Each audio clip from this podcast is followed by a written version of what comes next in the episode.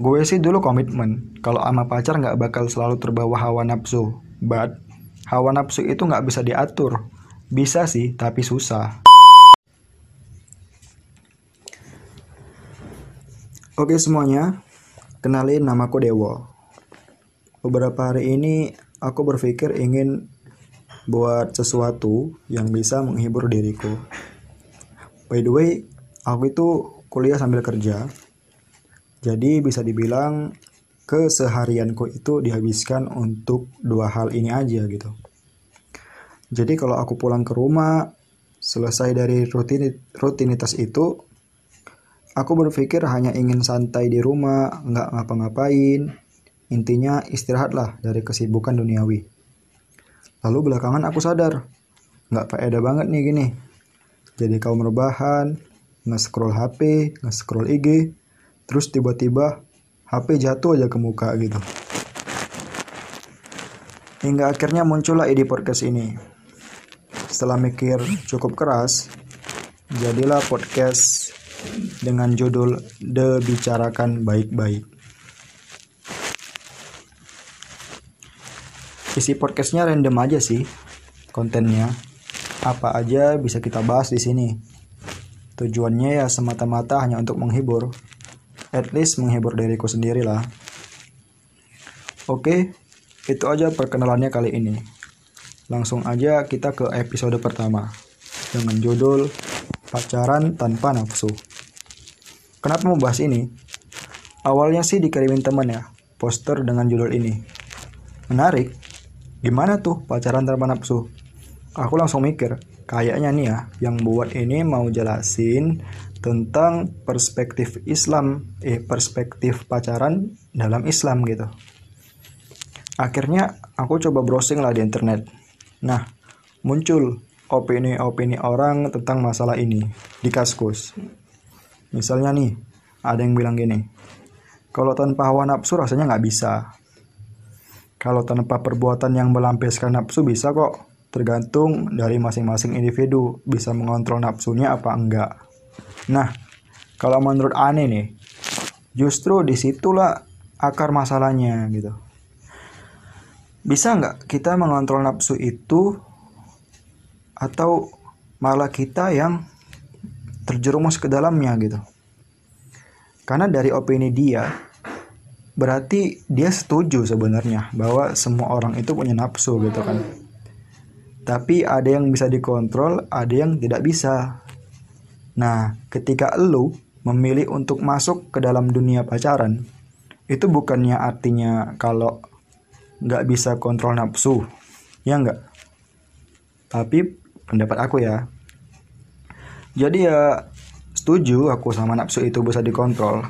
Tapi yang termasuk orang yang bisa ngontrol nafsu itu ya orang yang memilih tidak pacaran gitu. Itulah orang yang menurutku yang bisa mengontrol nafsu sekali lagi ya ini menurut aku aja sih gitu. Nah ini ada opini ini ada opini lagi nih. Aku setuju nih. Gini dia. Kalau menurut aneh sih pacaran tanpa ada hawa nafsu itu bohong. Cuma kata-kata orang yang munafik aja yang bilang bisa. Aneh normal makanya aneh ngomong begitu. Tapi di sini aneh nggak ngomongin soal hawa nafsu birahi aja ya.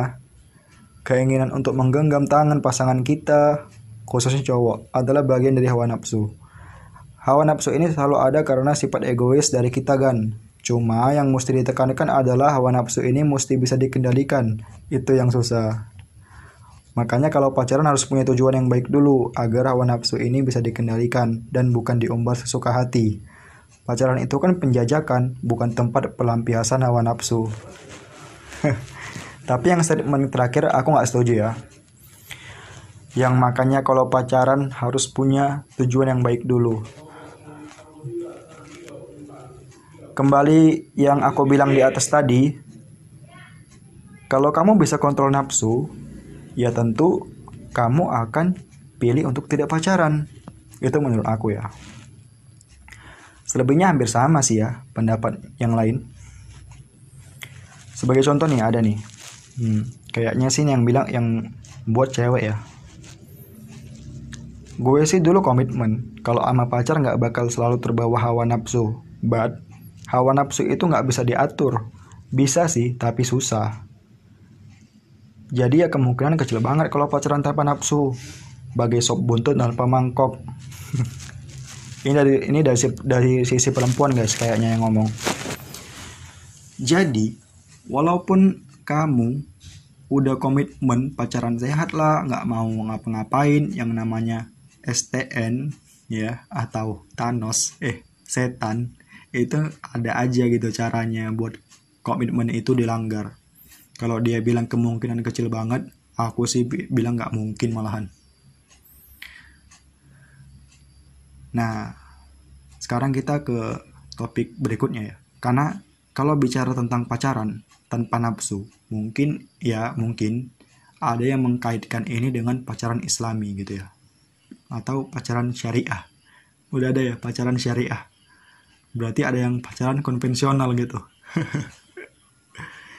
Aku sendiri bingung dengan bagaimana konsep konsep pacaran islami itu. Gimana sih gimana cara mereka menjalaninya? Coba pacaran islami gitu.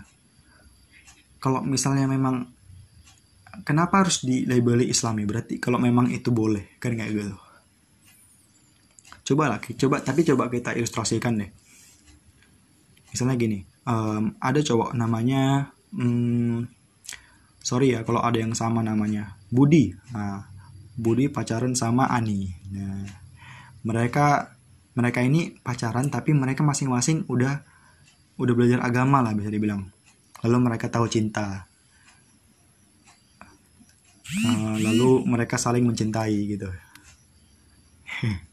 akhirnya mereka pacaran lalu berkomitmen untuk menjaga diri masing-masing agar tidak melakukan perbuatan dosa ya bisa aja ya kan setiap mereka menjalaninya dengan lancar setiap harinya sesekali mereka ketemuan ngobrol tanpa harus ya pegangan tangan pelukan, apalagi ciuman ya.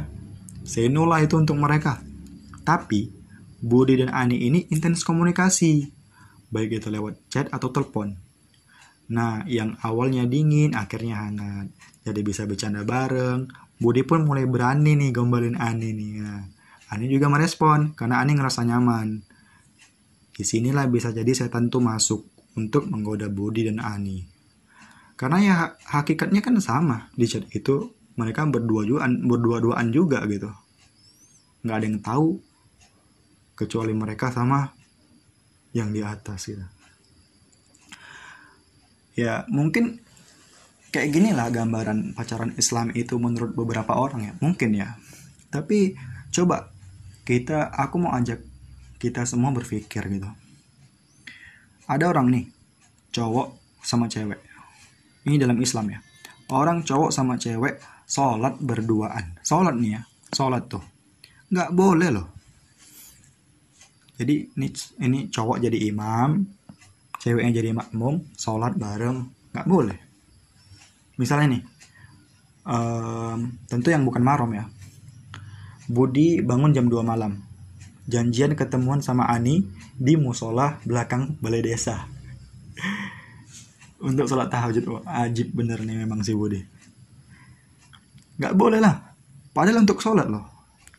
Apalagi yang lain-lain ya karena kan banyak kan modusnya nih. Yang ngerjain tugas lah atau ah, apa aja lah gitu.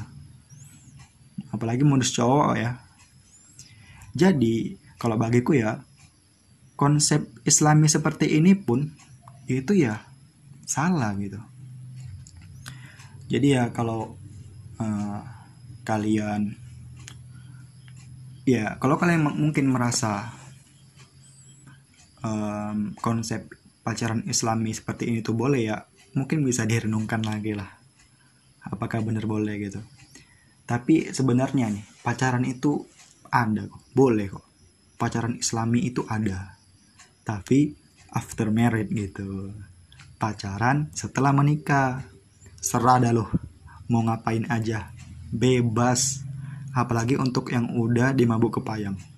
Ini wajib lu nikah tuh tunggu apa lagi sih gitu Rasul kita bahkan ya Sallallahu Alaihi Wasallam ya hmm, pernah bilang solusi bagi dua insan yang saling mencintai adalah menikah gitu.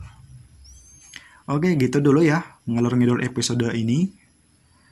Insya Allah kita akan ketemu lagi di episode kedua. Di The Baik-Baik. Thank you.